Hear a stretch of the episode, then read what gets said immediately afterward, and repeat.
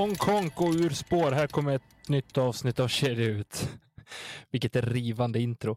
Eh, jag heter Tommy Bäcke och är numera känd som Nalle Puh. Eller hur Nicke? Nej, det har jag inte sagt att du är som Nalle Puh, men... Kalanka.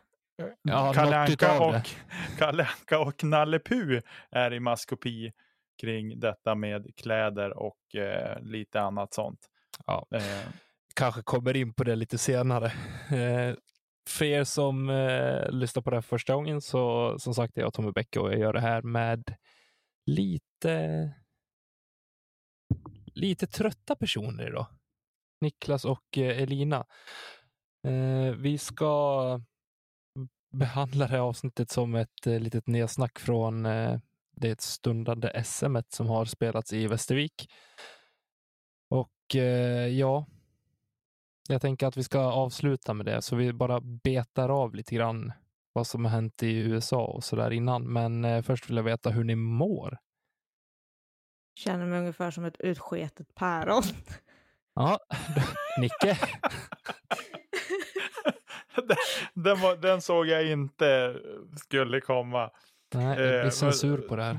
Ja, det får bli censur. Nej, det var ett roligt uttryck. Eh, jag mår faktiskt ändå ganska bra. Jag sov som ett litet nyfött barn som har nyss fått käka natten till idag. Så att jag känner mig ändå faktiskt helt okej utvilad. Jag cyklade till jobbet i morse glad i hågen eh, och så. Så, där. så att jag har rört på mig ganska mycket idag, vilket känns väldigt bra. Eh, bortsett från det så är eh, ja, men det är bra, måste jag få säga. Veckan tuffar på, helt enkelt. Men jag vill ha en bättre recap av Lina än att hon känner sig som ett utskedet päron. Nej, men alltså. Jag är helt tömd på allt av vad energi heter. Uh, alltså jag, jag tror det är på ett bra sätt och jag tror det är kroppens typ återhämtningsfunktion som har gått in i alltså 300 procent. För jag kan inte ens eh, hålla huvudet rakt nästan. Eh, så jag ber om ursäkt redan nu om jag börjar sluddra och sånt där. För att talet har inte varit en bra funktion under de senaste två dagarna. Eh, jag är bara trött. Jag är inte full, jag lovar. Nej, men eh, eh, nej, det är någonting speciellt med att spela discgolf 22,5 timmar på tre dagar. Eh, med ungefär en timma och en kvart paus mellan rundorna. Och rundorna var fyra och en halv timme långa. Eh, och under den pausen så var det ju bara stress. Och det var för att få i sig mat, komma tillbaka, hinna till starthålet och vara uppvärmd, redo och klar. Och bara köra igen. Eh, men vi ska ju komma in på lite mer detaljer kring allt det här efterhand. Men eh, ja, kroppen eh, vet att den behöver vila så det är ungefär det den gör just nu. Jag var ute och försökte eh, aktivera mig lite förut när det ändå var, det har varit bra väder här idag. Eh, och bara, men jag tar med mig några diskar och kastar lite bara så här försiktigt. Inte tänka på någonting egentligen, utan bara kasta disken för att få en skön, så här, skön känsla. jag tror jag kastade kanske typ 50 meter när jag försökte ta i typ två gånger. Och med typ en fairway driver. Ja, jag får lite vibbar till par-SM. Känner igen, det var någon där som, ja, vi behöver inte prata mer om det. Nej. Eh, just det. Nej, men jag, jag eh, vi kör vidare bara. Jag ska inte börja sluddra någonting jag heller här.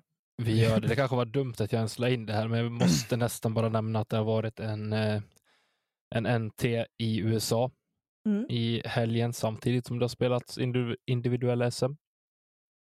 Och jag tänker, vi, vi går inte in och djupare på det, för jag antar att ni inte har sett någonting i Jo då, princip. Ja, lite grann har jag sett faktiskt. Ja, men jag vi går såg- inte in och djupare i alla fall, för jag orkar inte det. En sak vill jag säga dock. Ja, Det var ju två stycken eh, banrekord. Det var ett i MPO och ett i FPO. Och FPOs var ju helt jävla sinnessjukt. Ursäkta språket. var det Miss, Miss Allen? Miss, Ja, Miss, Katrina Allen, Katrina. finalrundan, drar till med en minus 11. Boogiefri. Boogiefria. Uh, wait. Ja. Och eh, kan det ha varit hennes... Nej, det var det inte alls det. Nej, det måste väl ha varit um, Conor O'Reilly vill jag säga. Det är väl så han heter. Mm. Det var lite roligt att både Katrina och Austin Hannum gick, ba, eller ja, de gick minus 11 bägge två finalrundan. Mm. Con- Connor gick 11 under som bäst också. Det gjorde Austin Hannum också. Mm. Mm. Eh, och Hannum med ett ace på hål nummer 15. Mm. Mycket vackert. Som var det finaste i karriären enligt eh, hans egna utsagor. Och det kan jag väl förstå, va? för det är ingen dålig, det är ingen dålig placering han eh, dunkar till med heller, så här från ingenstans. Nej. på det. Ja, det var ett skip ace. Eh, på det. Men i, eh, i MPO så vinner Conor O'Reilly för eh, Austin Hannum och Ricky Wysocki som eh, båda slutar på 20 under par. Eh, och i FPO så vinner Katrina Allen för Sarah Holcomb och Holly Finley. Mm. Och det är väl inte mer än så. Det är en En annan intressant sak är ju också, jag vet inte, ni fick säkert också det mejlet från uh, Skip-Ace, den här eh, ligan vi håller på och bettar i. Nej. Eh, att uh, Page Pierce har dragit sig ur samtliga NTs som eh, är resterande att spela. Mhm. Okej. Lite efter sitt uttalande, jag tror det var på Nick and Match Show. Eh, men det här har ju antagligen att göra med det vi pratade om för några avsnitt sedan. Eh, när det blev en liten shitstorm mot PDGA. När de skulle spela eh, tre banor som inte var mästerskapsbanor. Eller anpassade banor utifrån eh, att spela en NT. Mm. Med korsade fairways och att de inte hade stängt av dem för spelarna och lite sånt där. Eh, Det är väl bara Music City Open som är kvar eh, framöver nu på NTn. Sen vet jag inte om eh, Throw Pink räknas in där eller om det står som en fristående major bara. Oj, nej det vet jag faktiskt inte. Eh, Jag är osäker. Mm. Hur som helst, det, hon dras ur i alla fall de NTs. Sen, eh, ja. Det är ju trist. Jag har inte, jag har inte hunnit re- reflektera någonting över det så jag ska inte lägga in värderingar i det. Nej. Eh, på det. Men eh, ja, det om det känner jag. Jag vill höra känslor, jag vill höra historier. Jag vill bara få en ordentlig recap från ert håll vad, vad som hände i helgen individuell SM i Västervik och sen så har jag en liten eh, diskussion jag skulle vilja ta med er också. Eh, för det vi kan börja med att ta är väl egentligen att eh, vi hade 14 DNF av 142 deltagare. Mm.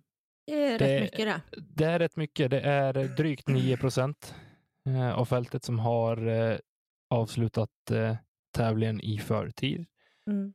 Och eh, det jag, eh, alltså den stora frågan jag ställer mig är väl egentligen vad det beror på. Eh, eh, I och med att jag faktiskt har på känn att eh, det inte var många hål ifrån att kanske en eller två till eh, ställde av sig väskan och, och for hem. Utifrån vad jag vet så är majoriteten av dessa 14 faktiskt skador som Mm. har hänt precis innan eller under tävlingen.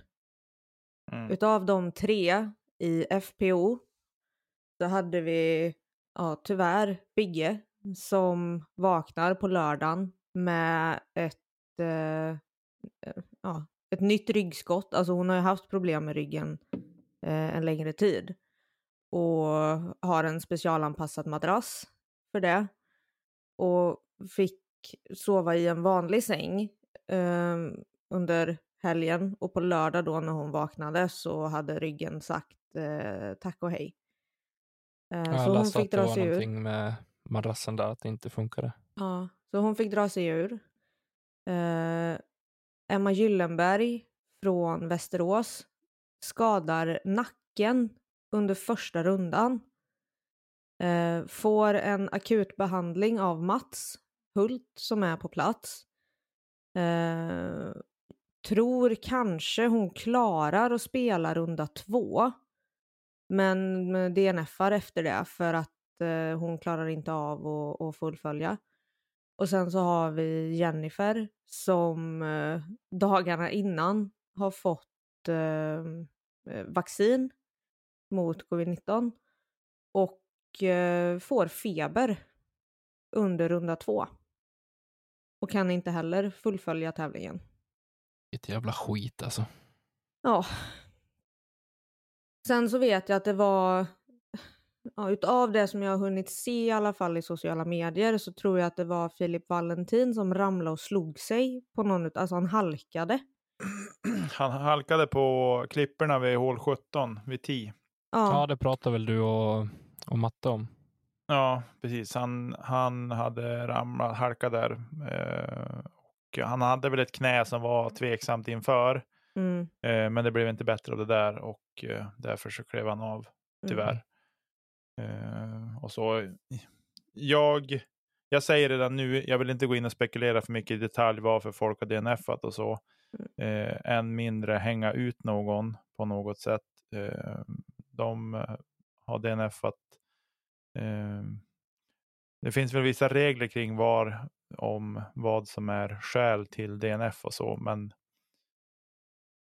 Mm. det är väl hur rundorna ska klassas så att säga. Sjukdom, skada och slut på A2 år. ja, men det är ingen risk för dig. Nej, det är korrekt. Nej. Eh, Nej, så. men det är Nej, men, eh, väldigt många skador. Mm. Det är Ja. ofantligt många skador.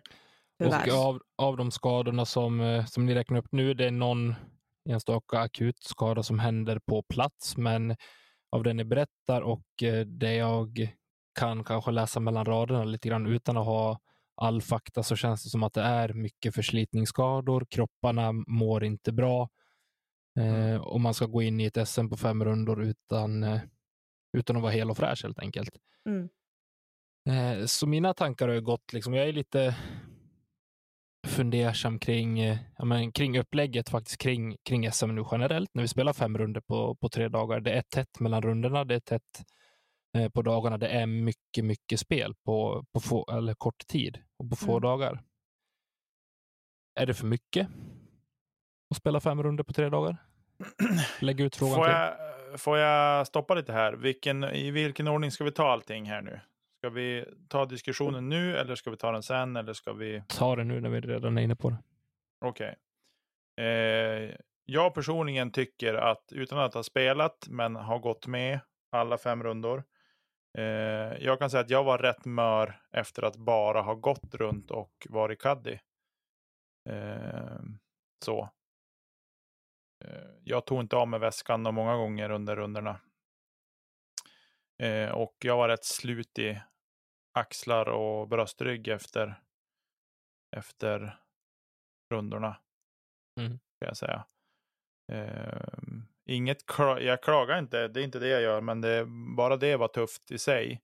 Mm. Och då tänker jag att alla spelare som dessutom inte hade CAD utan de bar sin bag och de kastade och liksom skulle fokusera fullt och så. Eh, det är många saker som ska eh, hållas ihop under de här rundorna. Du ska vara fokuserad mentalt. Eh, du ska vara på plats där. Du ska hålla ihop fysiskt. Eh, tekniken ska sitta och det där spelar om det inte sitter då träffar kanske man kastas snedare än vanligt och då kommer skallen in. Eh, så att det är många faktorer som spelar in. Så att om fem runder är för mycket på tre dagar för majoriteten av startfältet, ja. Vissa Mm. klarar av att hantera det eh, på bättre sätt än andra, men jag personligen tycker att det är för, för mycket. Faktiskt. Jag har sett för mycket hur spelare påverkas eh, och så under rundorna.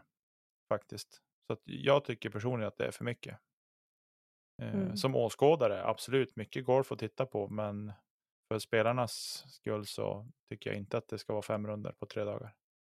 Vad säger Lina som kommer med fem runder färskt i, i ryggen? Ja, alltså jag hade ju fördelen av att ha min alltså, underbara kompis där.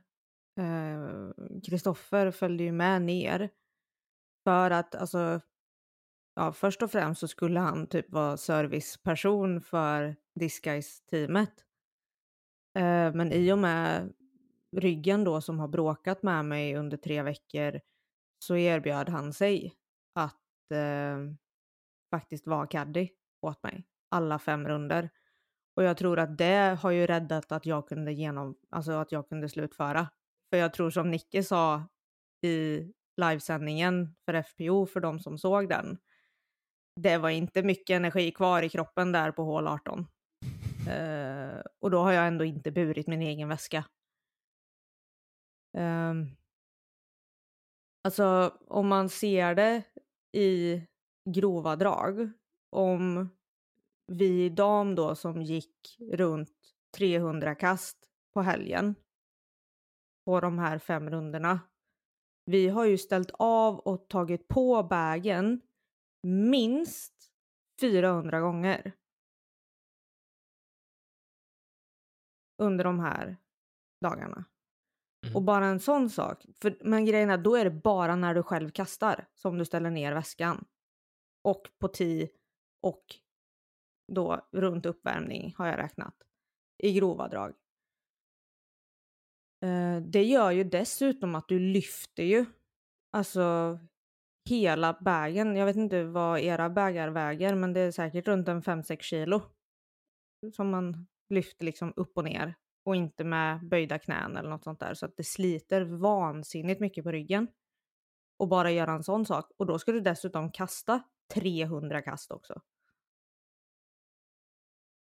Så att, och lite som jag sa i början, alltså våra runder var fyra och en halv timma. En uppvärmning gör man, en lång uppvärmning kanske är en timma innan man börjar. Mm. Men efter två spelade hål är du ju kall igen. Det spelar ingen roll ifall du har stått och värmt upp och stretchat och aktiverat muskler och det ena med det tredje. För att när du har gått en timma och spelat fyra och ett halvt hål. Det funkar inte då. Det är liksom, du hinner bli kall. Jag såg att det var folk som gick runt liksom i, i shorts och, och underställ i princip, eh, finaldagen. Jag gick runt i underställ, piké, hoodie och väst majoriteten av rundan. Och det var i vägen för mig när jag skulle kasta. Men det var liksom antingen det eller bli kall. Och bara det var ju liksom en avvägning, men det är ju mycket på grund av vädret såklart. Så att kan man dessutom dra ner till att spela en runda om dagen så behöver du inte gå igenom det här två gånger på en dag. Och det tror jag verkligen skulle spara på kropparna i slutändan. För att det är skillnad på att spela fyra och en halv timme på en dag eller nio timmar på en dag och utav de nio timmarna så får du kanske i bästa fall sitta ner och ta igen dig i 40 minuter medan du kastar i dig mat. För övrig tid måste du liksom skynda dig och fixa mat. Du måste eh, sen tillbaka till banan för att gå ut i ditt starthål och då vill man ju gärna hinna värma upp lite igen så att du liksom inte drar en maxdrive på ja men typ hål 13 Alviken det första du gör när du kommer till banan. För där har vi mm. skador. Mm. Och jag förstår också, för jag menar våran fjärde runda höll ju på att bli avbruten för att vi var tvungna att spela färdigt på morgonen på söndagen för att det blev natt liksom. Mm. Ja, det var ju mörkrets infall som, som uh, ja. ställde till det. Precis, för att vi började runda 4 15.30 och hade fått då innan att vi, om ni inte är klara 19.30 så får man spela resterande hål 07.30 söndag istället. Och vi i leadcard i FPO var sista gruppen, för det hade varit mycket väntan. Så att på vårat sista hål som var hål 11 på Alviken, det är ett ganska stängt hål. Det är inte jättemycket ljus som kommer in där på grund av liksom att det är ganska höga träd. Vi hade fyra spotters för att kunna spela färdigt hålet. Vi var klara klockan åtta på kvällen. Mm. Då har vi väl liksom varit igång. Jag var uppe sex på morgonen för att jag var tvungen att promenera för att annars hade inte min rygg hållit. Till exempel. Och vi var ju på banan för uppvärmning minst en timma innan. Så att vi har liksom varit på discgolfbanan från kanske 8.30. Så vi har liksom varit där i 12 timmar i princip. Två dagar i rad.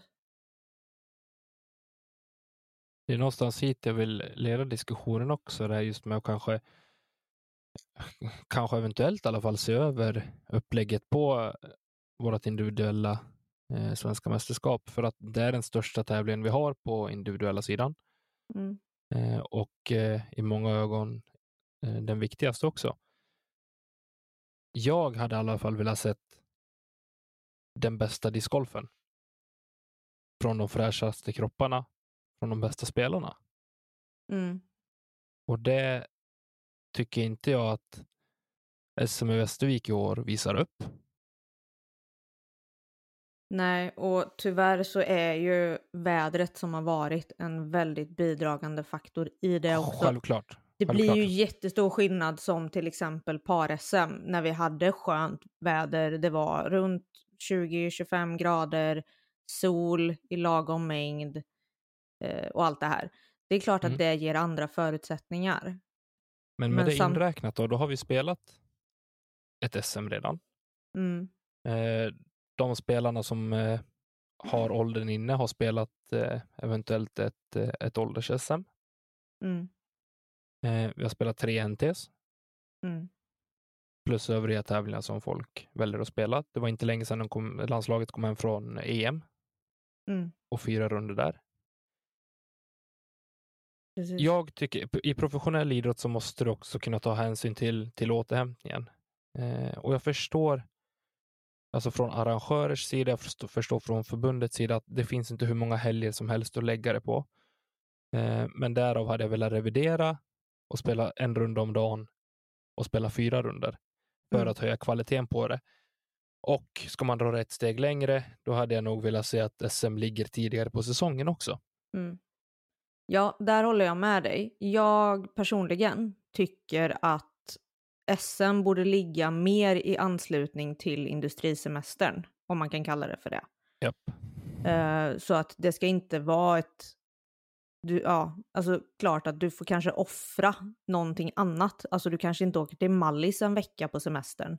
Nej, men du kan åka och förbereda dig inför SM Definitivt. eh, en vecka på semestern och veta att du har semester. Du behöver inte ta extra ledigt för att du ska göra det. Sen tycker jag också att eh, det ska vara torsdag till söndag. Det är Mm. fyra dagar. Att det Yes. är fyra runder. För det är tillräckligt med fyra runder. Och sen så hade jag jättegärna sett att det är tea time.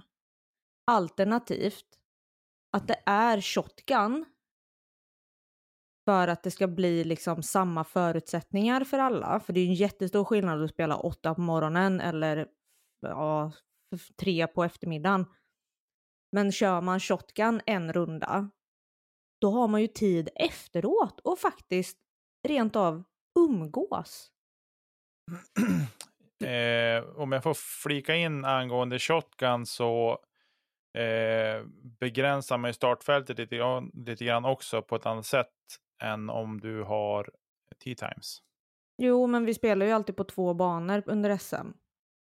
Jo, det, jo så är det. Men Mm. det går fortfarande att eh, ha ett lite annorlunda upplägg eh, ändå om man bara har tea times sett över hela tiden. Men jag, kan, jag köper resonemanget kring varför man skulle ha tea times eller eh, shotgun. Ja, alltså det, det blir ju mer jämnt för alla, eller vad man ska Ja, säga.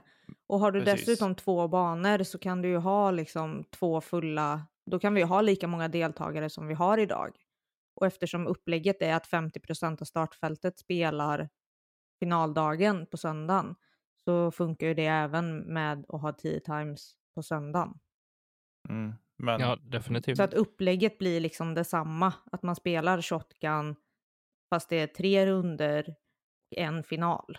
Så att det blir Ja. fyra då totalt. Eh, men då är det ju lika orättvist på söndagen om du har eh, tea times då. Då kan det också vara stor skillnad på att spela klockan åtta på morgonen och spela klockan tre på eftermiddagen. Ja, så är det ju. Men Det blir fel oavsett som, eller blir och blir, det ska jag inte säga, men det kan bli fel som vi har det nu också när en liten del, om än den lägre ratade, eh, spelar i en annan pool mot övriga openfältet och spelar en helt annan bana under samma tid. Mm. Mm. Där blir förutsättningarna inte heller de samma. Så jag tror inte att vi ska hänga upp oss för mycket på exakt samma förutsättningar, för det går inte att förutspå. Jag hade personligen helst sett eh, tea times eh, på alla runder Mm. för att du får någon... Ja, vad har jag för, vad har jag för, för underlag för det egentligen? De Eh, gjorde nej, men väl så på EM. prof- Ja, EM var ju tea times för alla. och jag, det känns mer professionellt Mm. att ha det så. Eh, och ha, ta det på rating också då. Mm. Eller ta Mm. första, dela upp dig i, i pooler också, precis som när du anmäler dig. Ja, men då får du anmäla dig till den tea time du känner själv att du vill spela. Anmäl dig i en boll. Ja, fast inte på ett SM kan jag tycka. Nej. Jag, jag köper orsaken men inte på ett SM. Men det jag vill komma till, det här med förutsättningar också. Det är ju att om man spelar två banor och man har som vi har haft nu poolspel där eh, topp 72 har börjat spela på den ena banan och övriga i MPO eh, har spelat tillsammans med FPO på den andra banan. Mm. Så är ju samma sak där att man har olika förutsättningar för att scora på banorna. Jo, men då var det Eh, så.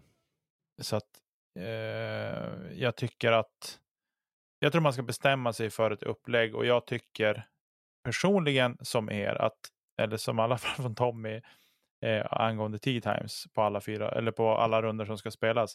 Mm. Eh, och jag tycker att SM ska gå över fyra runder på fyra dagar istället. För det är ändå den största tävlingen vi har på svensk mark från förbundshåll Mm. då tycker jag att det, det, folk får rätta in sig efter det. Eh, Ja. Jag köper inte de här, det här snacket om att det är problem med ledighet och, och sådana saker. Vi är ute i så god tid från förbundshåll med datum och spelplatser att folk kan lösa det. Det, det ska inte vara eh, ett problem. Nej, men, och, och vill man, det här var vi inne och pratade på efter SM i, i Umeå också, att vill man delta på ett SM då löser man den biffen. Mm. Mm. Eh, någonting som slog mig.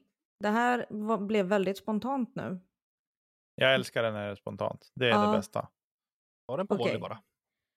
För eh, inför i år så diskuterades det ju om damtid, men det insågs att eh, det var för tätt inpå. Så att inför 2022 så kommer ju faktiskt frågan tas upp i tid eh, för att det ska vara anpassat utifrån startfältet för MPO och FPO. Det som det kommer medföra är ju att man kommer inte kunna ha bara två pooler längre. Du kommer inte kunna ha pool A och pool B med hälften av eh, MPO och FPO. Så att istället då så kommer du behöva ha tre, eh, tre poler där i så fall MPO får spela förmiddag eller eftermiddag utifrån placering på ena banan och så får FPO spela på den andra banan den ena dagen. Så att FPO blir en egen pool med att bara de är på den banan. Eh, Det fast är med i det, tanken. lös, det problemet försvinner i och med tea times. Yes, för då kan du spela alla MPO på samma bana första rundan exempelvis. Samtidigt Ja. som du spelar första rundan på FPO på den andra Ja. banan. Man kan ha samma Men- tidsschema på om- bägge polerna. Ja, men du, Ja. du slipper ju pooler i princip. Eller Jo. du behöver ha en A och en B-pool bara. Ja, Men, men, men, eh, ja. det blir inga mixade klasser i någon av polerna.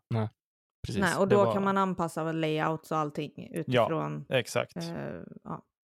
Exakt. Det som, blir, det som blir, om vi ska säga eventuell förlust för FPO, det är ju ratingräkningen.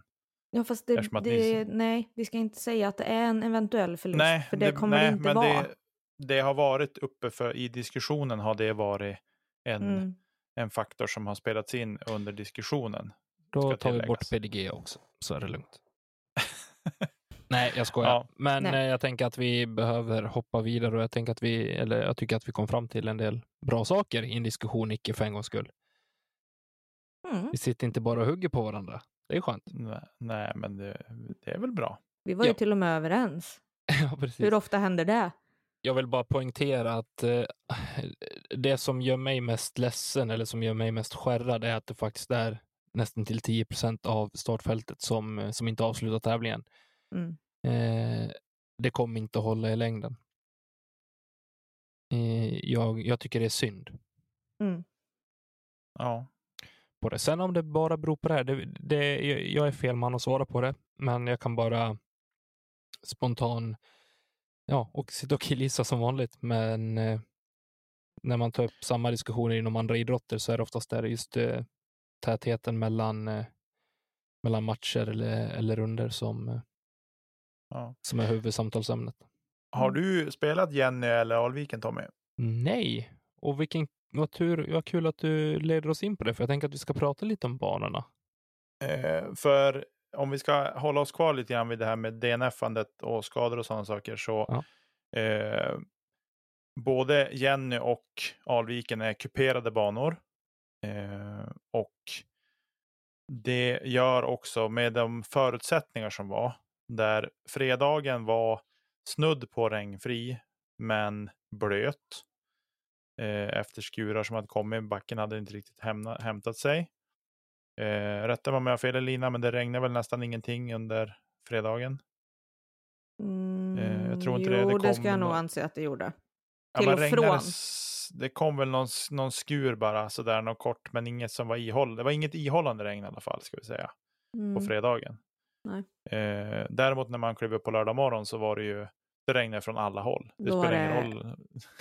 FML Det- tänkte jag säga. Ja, det, det, det regnade från alla håll. Man drog ner paraplyet och det kom underifrån och det var liksom Mm. eh, hej och. Och det det till, då tillför, det är ju att när man rör sig på banan och ska förflytta sig mellan hål framför allt, eh, så var det besvärligt, speciellt i slutet på Alviken eh, och någonstans ganska mitt i på Jenny som det var stökigt att gå helt enkelt. Man gick över klipphällar med lös mossa på, man går och spänner sig, man halkar till lite. Det är Mm. som när vi har spelat discgolf på vintern Tom, ungefär när det har varit blåis och sådär.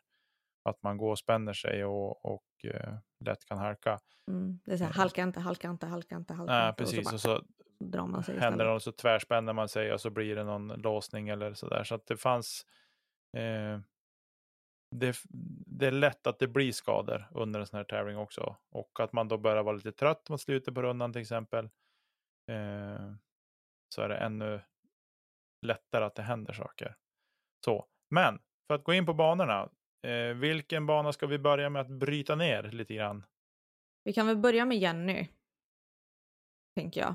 För det var ju den vi spelade två runder bara. Finalrundan spelades ju på Alviken så den kan vi ju ta till sist. Ja. Eh, Vad ska vi säga om Jenny då, Elina? Alltså jag...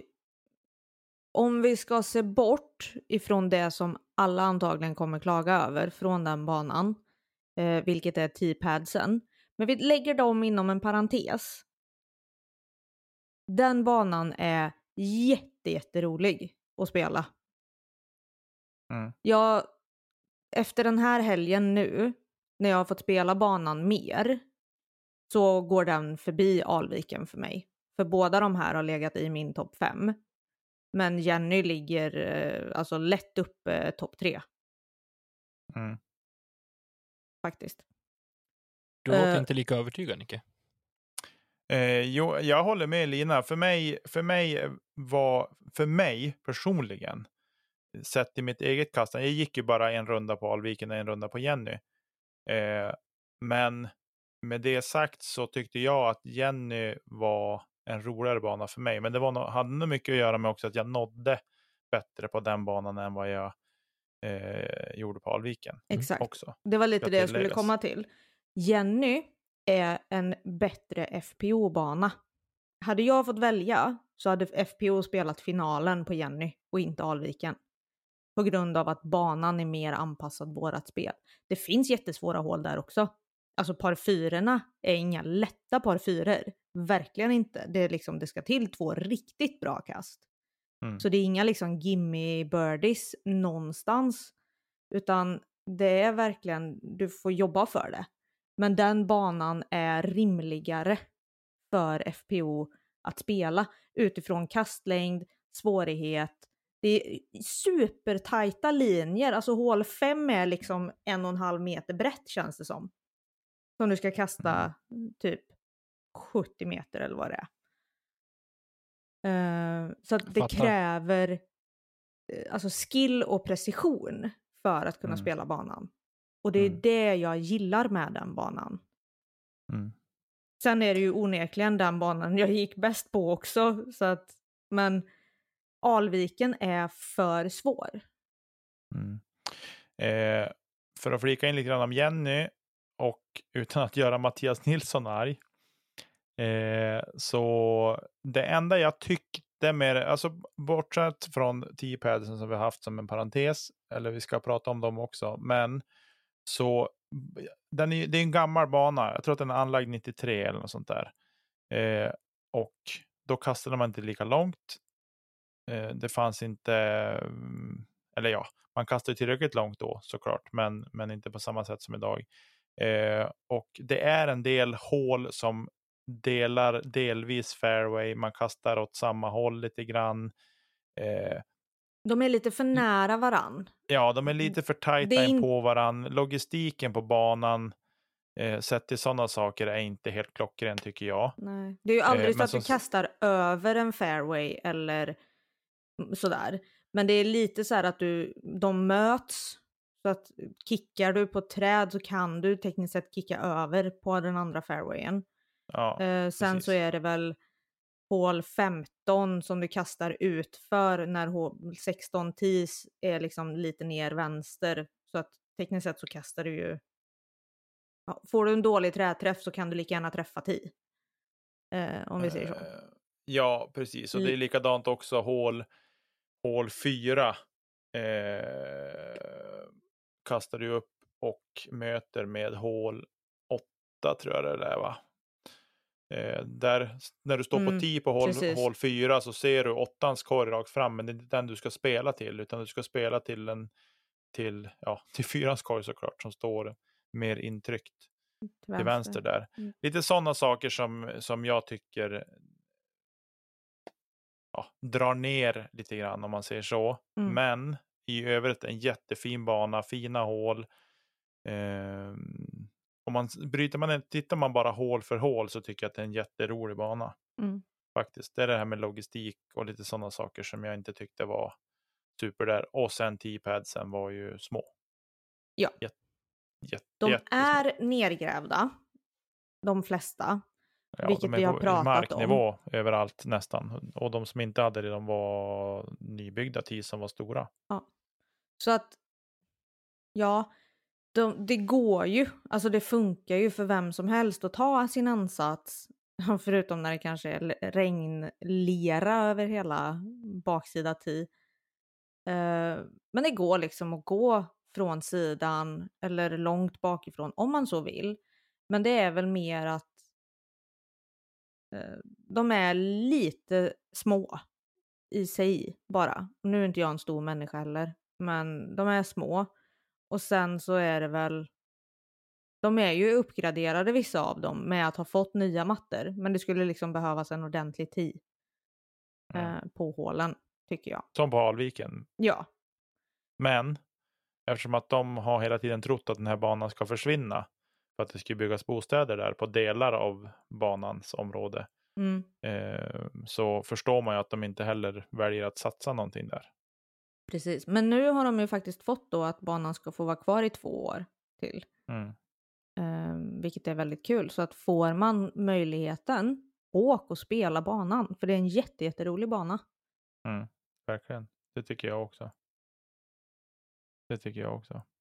Kul. Eh, ja, ska vi ge oss på Alviken då? Mm. Ska också tillägga Eh. förresten, ni som eh, klankar lite på, på banor med OB. Den här banan har ganska mycket OB, men det är väldigt bra OB på den här banan. Mm, det är det faktiskt. Väldigt bra OB. Så vill man Ja. ha lite inspiration till att lägga en bana så kan man ju åka dit och titta lite på sådana saker. Mm. För det blir lite lurigt, men det ska inte... Alltså det straffar egentligen bara men, dåliga, Dåliga kast. kast. Det straffar Mm. inte bra kast. Precis. Eh, Alviken då? Eh, jag säger shit vilken anläggning. Mm. Eh, jag har sagt det till andra också, men jag får lite terminalen-vibbar eh, av anläggningen som sådan. En fin driving range, en bra putting green. Eh, parkeringen, ja, Mm. sådär. Men, men det, banan är ju som sagt inte så gammal heller, så där finns det väl utvecklingspotential. Eh, men i övrigt så tycker jag att det var en skithäftig anläggning som ändå inne, alltså den är på ett ganska litet område eh, faktiskt. Och hur, då, nu ser Lina ut som att, nu vad säger jag nu, men jag tittar på min stegräknare på klockan Mm. och den ger en ganska god indikation på att den är inte så lång att gå runt den där banan. Eh, Alltså jag har ju känslan av att den är skitlång. Ja, det hade jag också. När jag gick den, alltså när jag spelade den så tyckte jag att shit vilken monsterbana det här. Det måste vara 12 000 steg på att spela sig runt den här banan. ja. Eh, men när jag kom hem på kvällen och har gått runt både Jenny och Alviken och har 15 000 steg. Då blev jag så här. Okej, så att då dagen därpå när vi spelade eh, Alviken först. Och tänkte, nu ska jag kolla efter, efter rundan vad jag hade. Och då hade jag knappt 8000 steg. Mm. Efter Alviken. Så att, eh, Då måste ju Melker hållit sig på fairway ändå. eh, ja, eller att han helt sonika fick gå själv till sin disk. Ja. eh, många gånger också. Nej, men eh, det är klart, det hade blivit, det hade blivit mer steg om, man, om jag hade spelat den såklart. Mm. Det, det hade det blivit för att jag hade varit så mycket off the fairway. Eh, men ja, nej, men jag tyckte det var grymma T-pads. Hatten av. Det är eh, bland de bästa jag har spelat på. Mm. Helt klart hittills. Eh, Håldesignen. Ja, jag har inte brutit ner den så mycket som att jag har bara spelat eh, ett varv där och sen gått med och sett och då tänker man inte lika mycket eh, på sådana saker. I alla fall inte jag har gjort det. Mm. Eh, några hål tycker jag väl är eh, sådär. Men i, alltså de är inte spektakulära eller märkvärdiga så, tycker jag. Eh, den här nya hål 3 som har fått mycket ris, tycker jag lite grann. Eller mycket, men har fått en del ris i sociala medier. Folk har frågat vad är det för monsterhål och så. Eh, 280 meter par 5 i skogen. Eh, Ligger du inte på fairway så är du rökt. Ja, Mats Hultz hade ju sagt det. Ja, man slår ihop två par fyror och får en par femma. Ja. Eh, Om men vi ska stanna sagt lite där. Alltså, jag älskade ju gamla hål 3 och gamla hål 4. Som Mm. nu då har blivit nya hål 3. Mm, För att jag tycker det var två väldigt roliga hål. mm, När jag däremot pratade med Stefan Svärd om hål 4, för det är liksom eh, från utkast så är det, eh, är du högerhänt så är det ett forehand-hål, mm, skulle jag säga. Jag kastar ju, alltså jag försöker ju bomba det hålet, forehand. mm, Eh, men, och han tyckte också att det var ett bra hål. Men problemet var att folk spelade inte hålet som de ville att hålet skulle spelas. För de ville ju att det skulle vara en forehand eller liksom en, en stor Anheuser för att komma runt svängen. mm, Men istället så spelar folk rakt till svängen och sen därifrån ett rakt inspel. Så att man bryter liksom ner hålet. mm. Det är ingen som försöker liksom ja, men, gå för det lite mer. Eh, så det var väl därför de tyckte att eh, man ville göra någonting annat istället. Mm. Ja. Eh, det hålet är ju så nytt också eh, och färskt. Mm. Så att man kan ju tycka att det var kanske en hel del sly och så, men man får inte ta bort för mycket heller eh, på det hålet. För att man måste, man får ta lite allt eftersom. Man får, får liksom utvärdera lite grann, göra små förändringar. Eh, för jag tror att det hålet kommer att sätta sig och det kommer att bli lättare att skåra på det Mm. på ett annat sätt än vad det har gjort nu under SM. Och sen har ju, jag tycker att eh, det har inte varit riktigt schyssta förhållandet att man ska använda det här SM som en referens för Mm. just det hålet. Eh, men sen i övrigt så tycker jag att det är en häftig blandning av skogshål och öppna hål. Eh, Det är ju det som gör banan så bra. ja, För att det är verkligen båda grejer, alltså båda världar. Det är bara att de öppna hålen är så fruktansvärt långa. Ja, Och påverkas ju vansinnigt mycket av vinden såklart. För att det blir som en liten gryta mellan skogen. För att det Ja. blir liksom, okej här blåser det åt det hållet. Och sen så går man i samma riktning sen igen och så bara, men vänta var det inte motvind här? Nu är det medvind här. mm. Ehm, så att det liksom, allt liksom bara cirkulerar. Känns det som.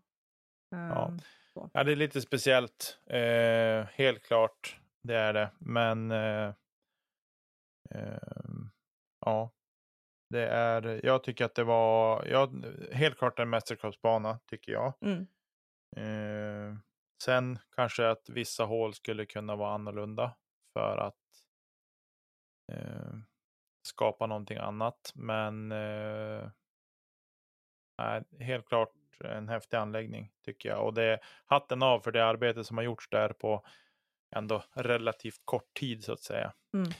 Måste jag säga. verkligen. Jag satt och letade fram lite statistik nu just på hål 3 där på Alviken och jag tror det, gjorde, det gjordes två birdies på hål 3 sett över hela helgen. Mm, den ena var Mm. på fredagen av Henrik Hagman och den andra vet jag inte. Finaldagen Av... var det en som Ja. gjorde börde också. Det var det. Okej. Jag tror det var Henrik Hagman som gjorde birding. Ja, han gjorde det första dagen. Det stämmer. Mm. Jag gick 997 där. Ja. Så det var ju kul. Sen så var ju tillfälligt vatten eh, typ halva mitt spel också kändes det som. Ja, det var nog så för väldigt många tillfället vatten på både på bägge banorna faktiskt. Var det Ja. träsk eller? Ja, Ja. Men du såg kanske klippet som Ching hade Ja. lagt ut. Det såg eh, Mm. mindre roligt ut. Just då var jag väldigt glad att sitta hemma i, eh, i tv-soffan faktiskt. ja, Ja. det förstår jag. Ja, det gjorde du rätt i. Eh, ja, nej, men jag tycker att vi lämnar banorna. Det är eh, Alviken eh, hatten av. För, för, I alla fall för min, från min sida sett. Eh, finns en del att jobba med, men inget. Eh, den duger som den är också. Banan har ju det rykte den har av en anledning. Så som du säger, hatten av. Ja. Om vi ska gå in lite mer på faktiskt spelet som, eh, som spelades på Alviken igen i- i helgen. Eh, vad var det som utmärkte sig? Var det något spektakulärt som eh, ni fick bevittna, ni som var på plats? Vädret. Oh shit. Det går inte att blunda för vädret, men om vi ska skita i vädret. Eh, Jag fick gåshud när jag läste inlägget från Svenska Discgolfförbundet på, på söndag eftermiddag. mm, jag med. Eh, Så just upplevelsen av sig, oavsett vädret, så är det ju ett, ett mästerskap att, att minnas och ha med sig framöver. Mm. Så är det. Eh, ja, vilka utmärkte sig? Om vi, alltså för mig. Eh, nu ska jag försöka säga det här utan att klappa ihop. Eh, men för mig är eh, hela 2021s prestation det är att Hanna Jansson knatar sig igenom hela tävlingen. Mm. Ni som såg henne, nej. Jag är, så, jag är så snabla djupt imponerad av henne och hennes fighting skalle alltså. Mm. Eh, haltar runt. Svårt att ta sig över hinder på transportsträckor mellan hål. Hon hade med sig sin underbara gubbe Stefan som hjälpte till, stöttade henne, han bar hennes bag. Han fick ju plocka Eh. upp hennes diskar. Alltså Ja. hon, hon hade sådana ryggsmärtor som liksom gick ner i lårmuskeln så att hela låret krampade för Mm. henne.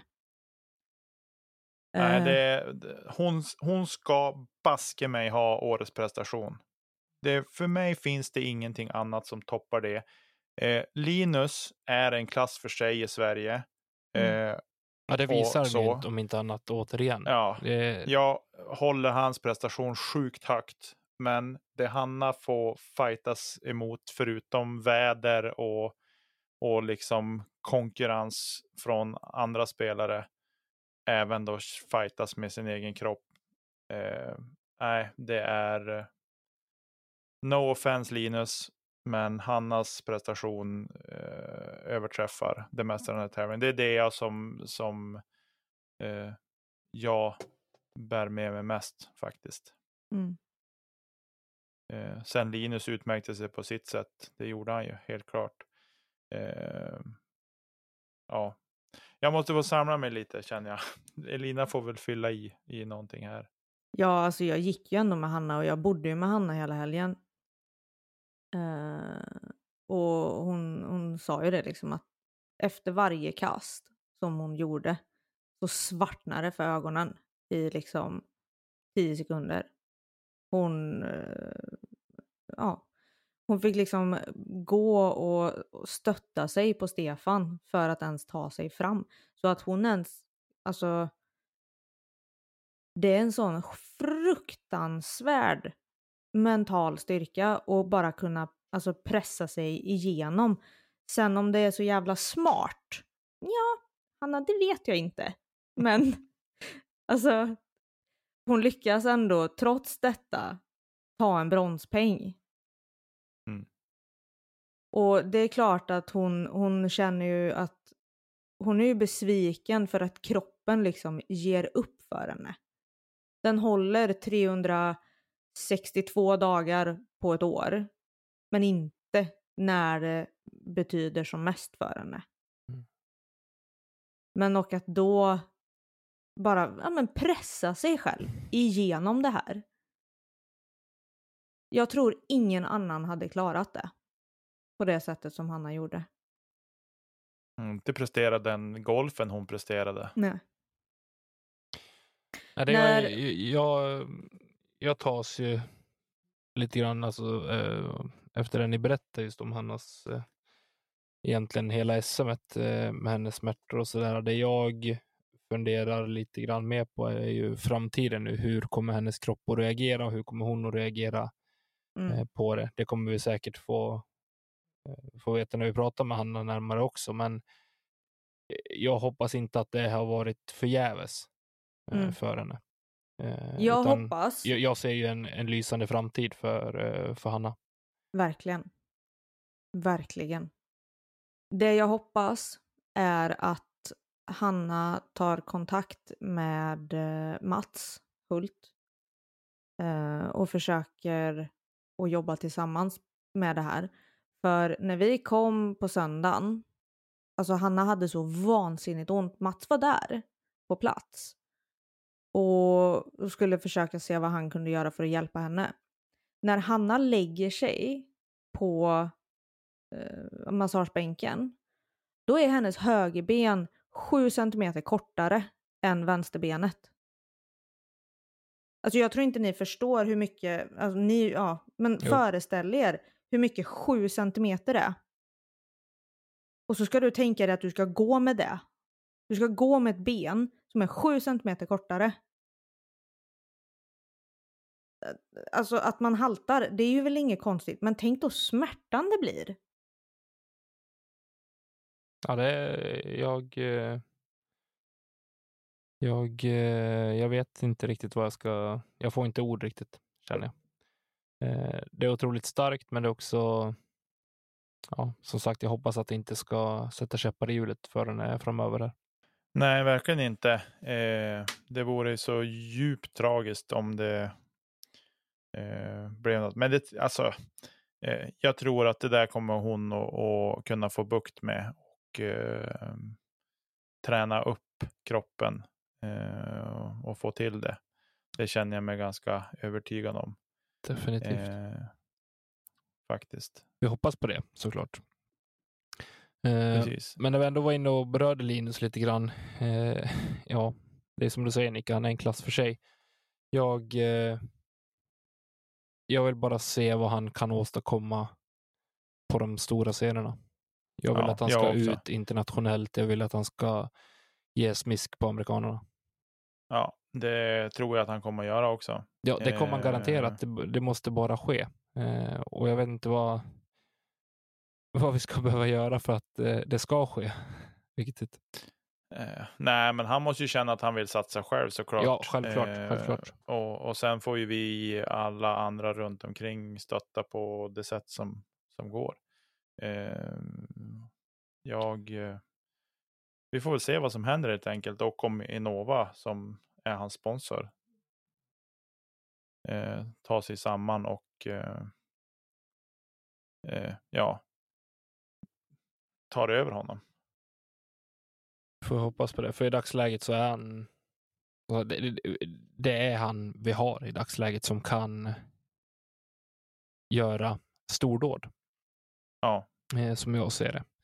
Eh, I övrigt så är det så här fortfarande lite grann. Jag har, det finns en kille som, som kittlar mig lite grann och det är Josef Berg som eh, jag satt och hoppades på innerligt skulle knipa en pallplats. Eh, och vilket han var nära att göra inför eh, eh, de sista hålen som återstod. Han, eh, han hade två hål kvar att spela när, när leadcard eh, hade, eller han, han hade spelat klart och leadcard hade två, två hål kvar att spela. Och där ja, lyckades de inte att eh, hålla sig undan pallen, Helleblad och, och Svärd, vilket är väntat Mm. till viss del. Men jag hade någonstans hoppats på att Berg faktiskt skulle rå åt sig en, eh, en pallplats. Han gör en fantastisk eh, sista runda. Ja, precis. Eh, Eh, det är eh, det som är eh, också, om vi är inne på prestationer så går det inte att sticka under stolen heller med att Helleblad och, och Svärda är på pallen. Eh, en liksom Grandmaster och en Master-spelare som är de närmsta, som är närmast Linus. Mm. Eh, det är också, det är spektakulärt, det är imponerande. Eh, Och någonstans visar ju faktiskt rutinen här också, både Hellblad, Svärd och även Emil Dahlgren som eh, eh, delar fjärdeplatsen med Josef mm. är där. Eh, och jag tror att det är mycket, mycket rutin av att ha spelat de- den här typen av tävlingar och eh, ha spelat framförallt i det vädret som, eh, som var i Västervik. Ja, och sen hade de ju hemmabanor också, ska tilläggas. Eh, vilket såklart väger in att man vet mm, diskar och linjer och sådana saker spelar in Mm. såklart. Men eh, helt klart imponerande. Eh, jag hade glädjen att få gå eh, ett varv med, eh, ja, tillsammans med Helleblad då, Melker och han spelade på samma kort. Och eh, det var intressant att se honom spela. Man har ju hört hans namn och, eh, och sådär. Och sett något klipp och sådär med han. Men nu var det intressant att få gå nära in på och se honom spela. Det är lite imponerande också. För att eh, Helleblad är ju en, en väldigt meriterad spelare. Mm. Men det här är hans första mästerskapsmedalj i Open. Mm. Individuellt va? Mm. Ja. Eh, och han sa det så bra på, på prisutdelningen också. Ja, andra plats är det finaste man kan, man kan eh, få i Sverige just nu.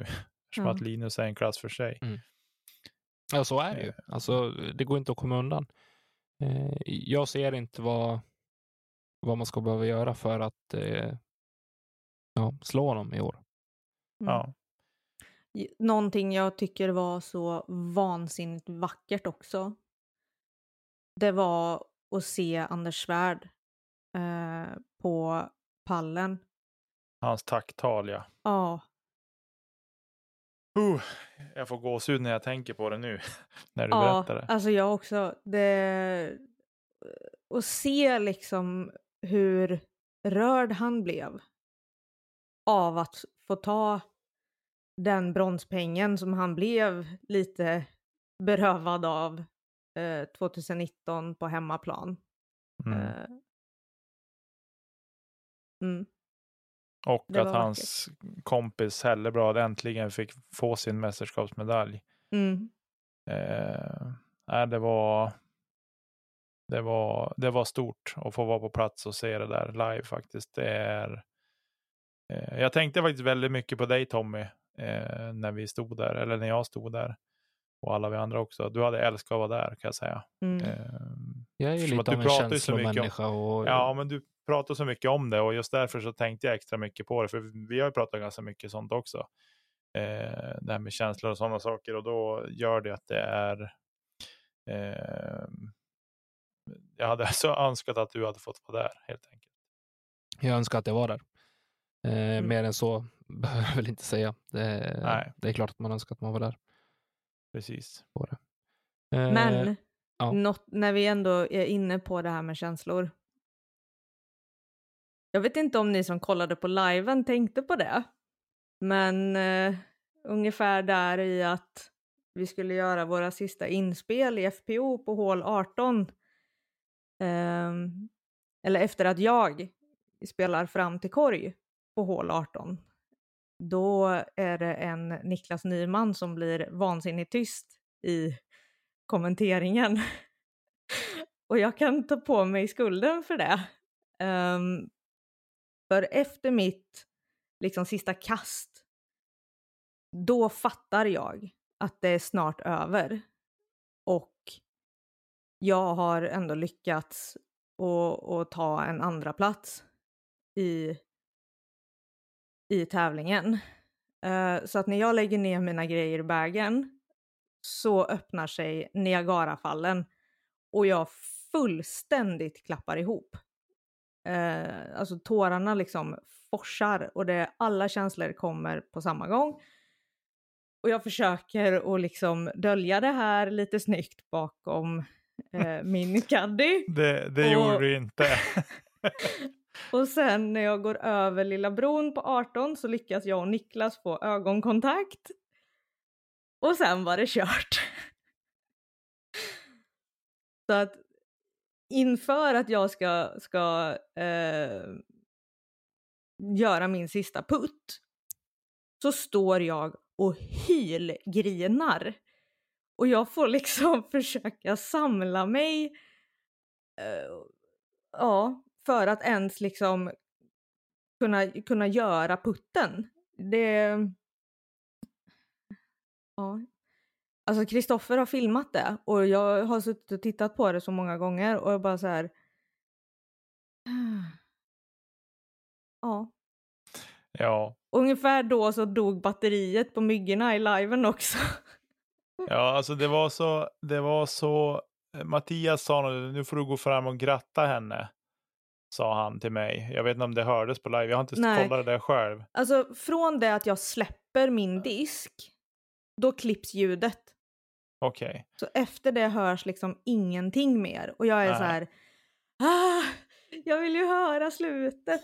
Ja, för Mattias sa du får gratta henne. Han borde ha sagt det innan ljudet försvann i sådana fall. Eh, för jag minns i alla fall att jag sa, det enda jag fick ur mig, det var att det ska jag verkligen göra. Mm. Eh, och sen var jag tvungen att backa ifrån. För att jag, det kom sådana glädjetårar faktiskt. För mig också. Eh, för att jag varit så sjukt glad. Eh, efter allt vi har pratat om Elina. Eh, Mm. Utanför podden och, och så med, med allt med träning och, och sådana saker. Så, så kändes det så sjukt stort. Eh, att du äntligen fick kliva upp på pallen. Så. Eh, och sen har jag ju också blivit en sjuk blödig människa sen jag blev förälder så att det spelar ju också roll. Eh, såklart. Men ja, och sen eran prisutdelning var också fin. Eh, Sofie högst upp på pallen som eh, än en gång var för eh, tuff att slå. Mm. Ehm, eh, och ni, alla, ni ställde er till, till att ni stod alla tre på, längst upp på pallen och kramade om varandra.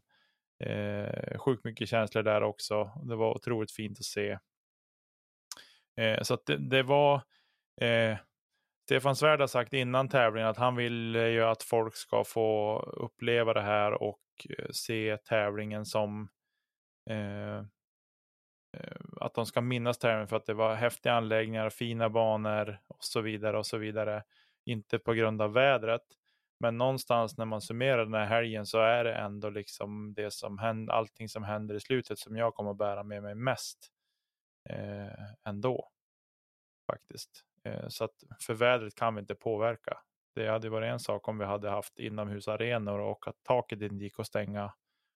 Eh, det hade varit något annat, men, men eh, det här gick inte att påverka så att säga. Mm. Och eh, med det så får vi väl återigen Elina stort, stort grattis till ett eh, välförtjänt silver. Tack.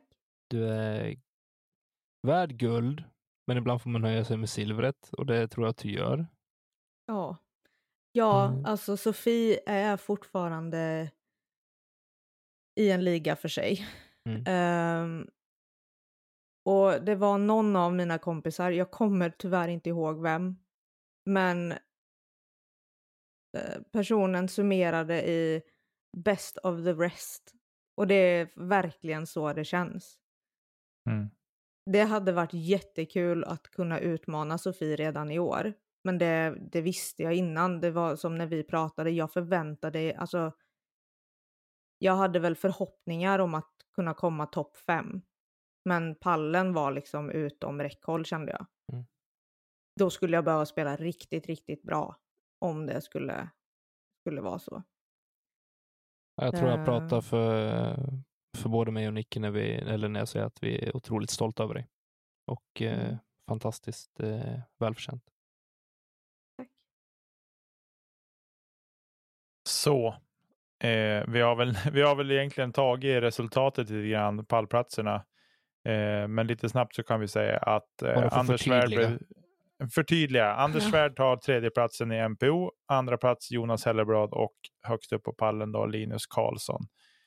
Eh, och i FPO så har vi Hanna Jansson på tredje plats, Elina Rydberg på andra plats och högst upp på pallen Sofie Björlycke Mm. för sjätte gången. Mm. Femte raka. Femte raka och sjätte guldet totalt sett.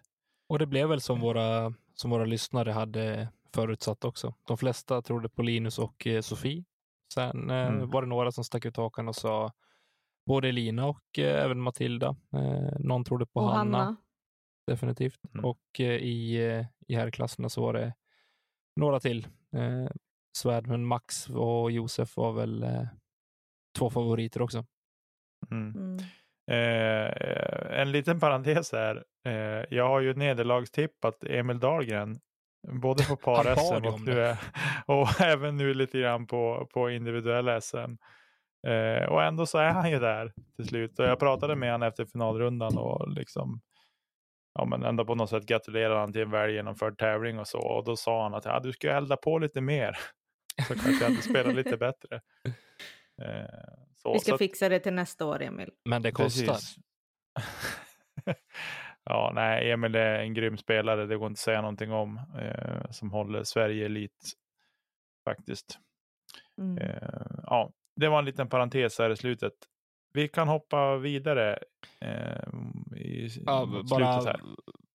bra jobbat allihopa som, eh, som var där och spelade. Jag är otroligt imponerad av, eh, av alla som eh, for dit och, eh, och genomförde tävlingen. Mm. Mm. Delvis eller helt. Det, det spelar ingen roll. Det, med det värdet och de förutsättningarna så otroligt starkt. Jag hade inte gjort det själv. Det är därför jag den här gången faktiskt tycker att eh, en tävling är värd mer än att bara vinna. Mm. Mm. Eh, så otroligt stort. Ja. Bra summerat. Med det sagt så lämnar vi väl SM 2021 och blickar lite framåt då. Mm. Tänker jag. Eh, I helgen så kan väl bara börja nämna att Erik Mellgren anordnar sista deltävlingen i Svenska Amatörtouren i Falköping denna gång. Mm. Eh, Det var länge sedan vi pratade om Mellgren. Så jag tycker vi, Mm. vi, vi, borde, vi slänger in honom här och ger honom en liten hyllning. Lycka Mm. till i Falköping. Eh, och må det bli en fin finaltävling. Sen eh, ska vi faktiskt spela Disc Golf Pro Tour i, eh, eller vi ska inte, jag säger alltid så att vi ska spela. Det ska spelas eh, MVP Open på Alltså, I din wish att vi hade spelat. korrekt. Nicke önskar nog också det. Nu Mm. äntligen Nicke är det dags. Mm. MVP Open Kräm blir crème det- på liven. och så blir det världens sämsta skit att Lesoth inte är med för att han sitter i någon himla karantän. Skit. Mm. Men det är Jussis fel. Alltså det är så typiskt. Det Ja, är så sjukt liksom- typiskt. Hyfsade hemmabana, då får han inte vara med Nej. på grund av karantänsregler. Det är... är det efter han var eh, i Europa eller? Mm. Är det så Ja, länge? jag tror han har varit, det är för det och sen tror jag han har varit någon sväng till Kanada också. Jag tror Mm. att det är någonting här som spökar. Ja, Jag det. läste bara att han var besviken över att han inte skulle kunna komma och spela, tyvärr. det är ju Eh, fullt förståeligt. Ja, det känns lite trist för att man vet att han kan spela riktigt bra golf på den banan och han kan banan väldigt bra också. Men skit i det. Predictions. Eh, jag sätter mina dollares på Calvin Heimberg. Mm. Jag säger Ricky Wysocki. Jag säger Drew Gibson. Yes. Bra Elina, jag hade han som en liten bubblare. Ja, Men nu behöver nej. jag inte det. Nej men det har varit så många skogsbanor nu. Där liksom Drew har så här varit lite sneaky. Han kastar lite bass bara så ordnar det sig. Han har Ja, ju blivit någon att räkna med de senaste veckorna. Och jag tycker Ja. att det är skitkul. Ja, så nu. Jag håller på honom. Ska vi inte jinxa här? Ni, ni är bra på att jinxa. Jag ska inte jinxa. Jag, Jag, håller eh, självklart på Chris Dickerson, men eh, Ja. Ja. Nej, Alltså Drew växer. Mycket. Gör han. Mm. Mm. Speciellt nu liksom senaste månaden. ja. Tävlingen spelas 3 till 5 september. Precis, det blir live till helgen. Det blir det. Jag kommer ihåg Chromecasten till Falköping. Ja, just det. Det är Falköping i helgen också. Nej, det Nej, är, det är um, ju- amatörtouren. Ja, förlåt. Amatörtouren. Jag ska Jag tänkte, ha, följa vad har med jag som missat nu? moraliskt stöd. Vad har jag missat tänkte jag. Mm. Ja, eh, och på damsidan då. Eh, ja, det är en skogsbana. Det är väl typ Hocum kommer att segla upp som någon sorts hot om Mm. segern. Det kommer hon. Sa han med lite Eh. lätt fördärv i rösten. ja. ja. Ja, Jag, har så, jag får så ont i höfterna när jag ser henne spela. Ja. Men grejen är att det här har vi ju pratat om förut också. För att hon är ändå med uppe i leadcard på skogsbanor. För att det är inte längden som krävs utan det är precisionen. Och den har hon. Ja, För att kunna kasta liksom tajta linjer. Eh, sen hoppas ju jag i vanlig ordning på Cat. ja, jag tror att hon också kan vara med där. För det är ju ändå ett par bombarhål också. Mm. Där hon har en liten fördel. Jag är väl lite inne på samma spår som, eh, som Elina också. Hoppas på Katrin Allen såklart, men eh, nej, jag tror att eh, Page blir för stark Ja. Mm. Faktiskt. på det. Jag vill slå ett litet slag för Heather Young också, Mhm. Mm. med tanke på, på banan. Ja. Någon Inte kommer att Säg vinna. att jag har fel då. Gör det bara. Jag sticker ut hakan och säger att någon kommer att vinna. Det är korrekt. Någon kommer komma två och sist också. Japp. Precis som vanligt. Det om det. Ja, Med, det- med det så tackar vi för oss för 125 gången i ordningen. ja. Det är så 125 många avsnitt. alltså. Det är bara att tuffa på vet du. Tuffe, tuffe, tuff. Eller som Oink, bilden oink. du brukar dela em- emellanåt, Elina. Choo choo motherfuckers! Jag trodde du menar på hänglåset. Nej, Eh, lägg av. eh, jag tänker att vi ska fortsätta plugga the next big thing. Och eh, ja, stay tuned. Det händer grejer. Det börjar, när, det börjar närma sig. Nu börjar det närma Mm. sig. I övrigt så vill vi tacka alla lyssnare för att ni rattar in oss varje vecka. Det är ni som gör att det är kul att fortsätta spela in de här avsnitten. Stort tack till Marcus Linder och Emil Lennartsson för vignetter, jinglar och grafik. Nu sitter Elina och skrattar åt mig, jag hör det. Eh, Vi vill även rikta ett stort tack till alla våra patreons som gör det lilla extra för att vi ska kunna göra det lilla extra för er. För övrigt, kolla våran Instagram-story. Jag är ganska nöjd med den. Hylla lite. Den var jättefin. Jag hyllar våra patreons lite extra där. Alltså vi ska säga så här. Det är ju Tommy som ligger bakom vårt Instagramkonto. Så att hylla honom lite där. För han gör ett väldigt bra jobb. Det, det är lite enformigt ibland. Ja, Men får det vara. eh, vi, får, ja, vi får jobba om det. Jag har försökt slänga in lite nya fräscha grejer häromdagen. Sådana här weekly recaps och grejer. De tycker jag blir fina. Du är Ja. jätteduktig. eh, på det. Eh, I övrigt så får man signa upp på Patreon om man vill. Det är så här. Det blir kul. Mm. Tack för idag hörni. Puss och kram. Och Nicke? Kasta inte kedja ut. Kastanjeträd. Hej då! Hej då.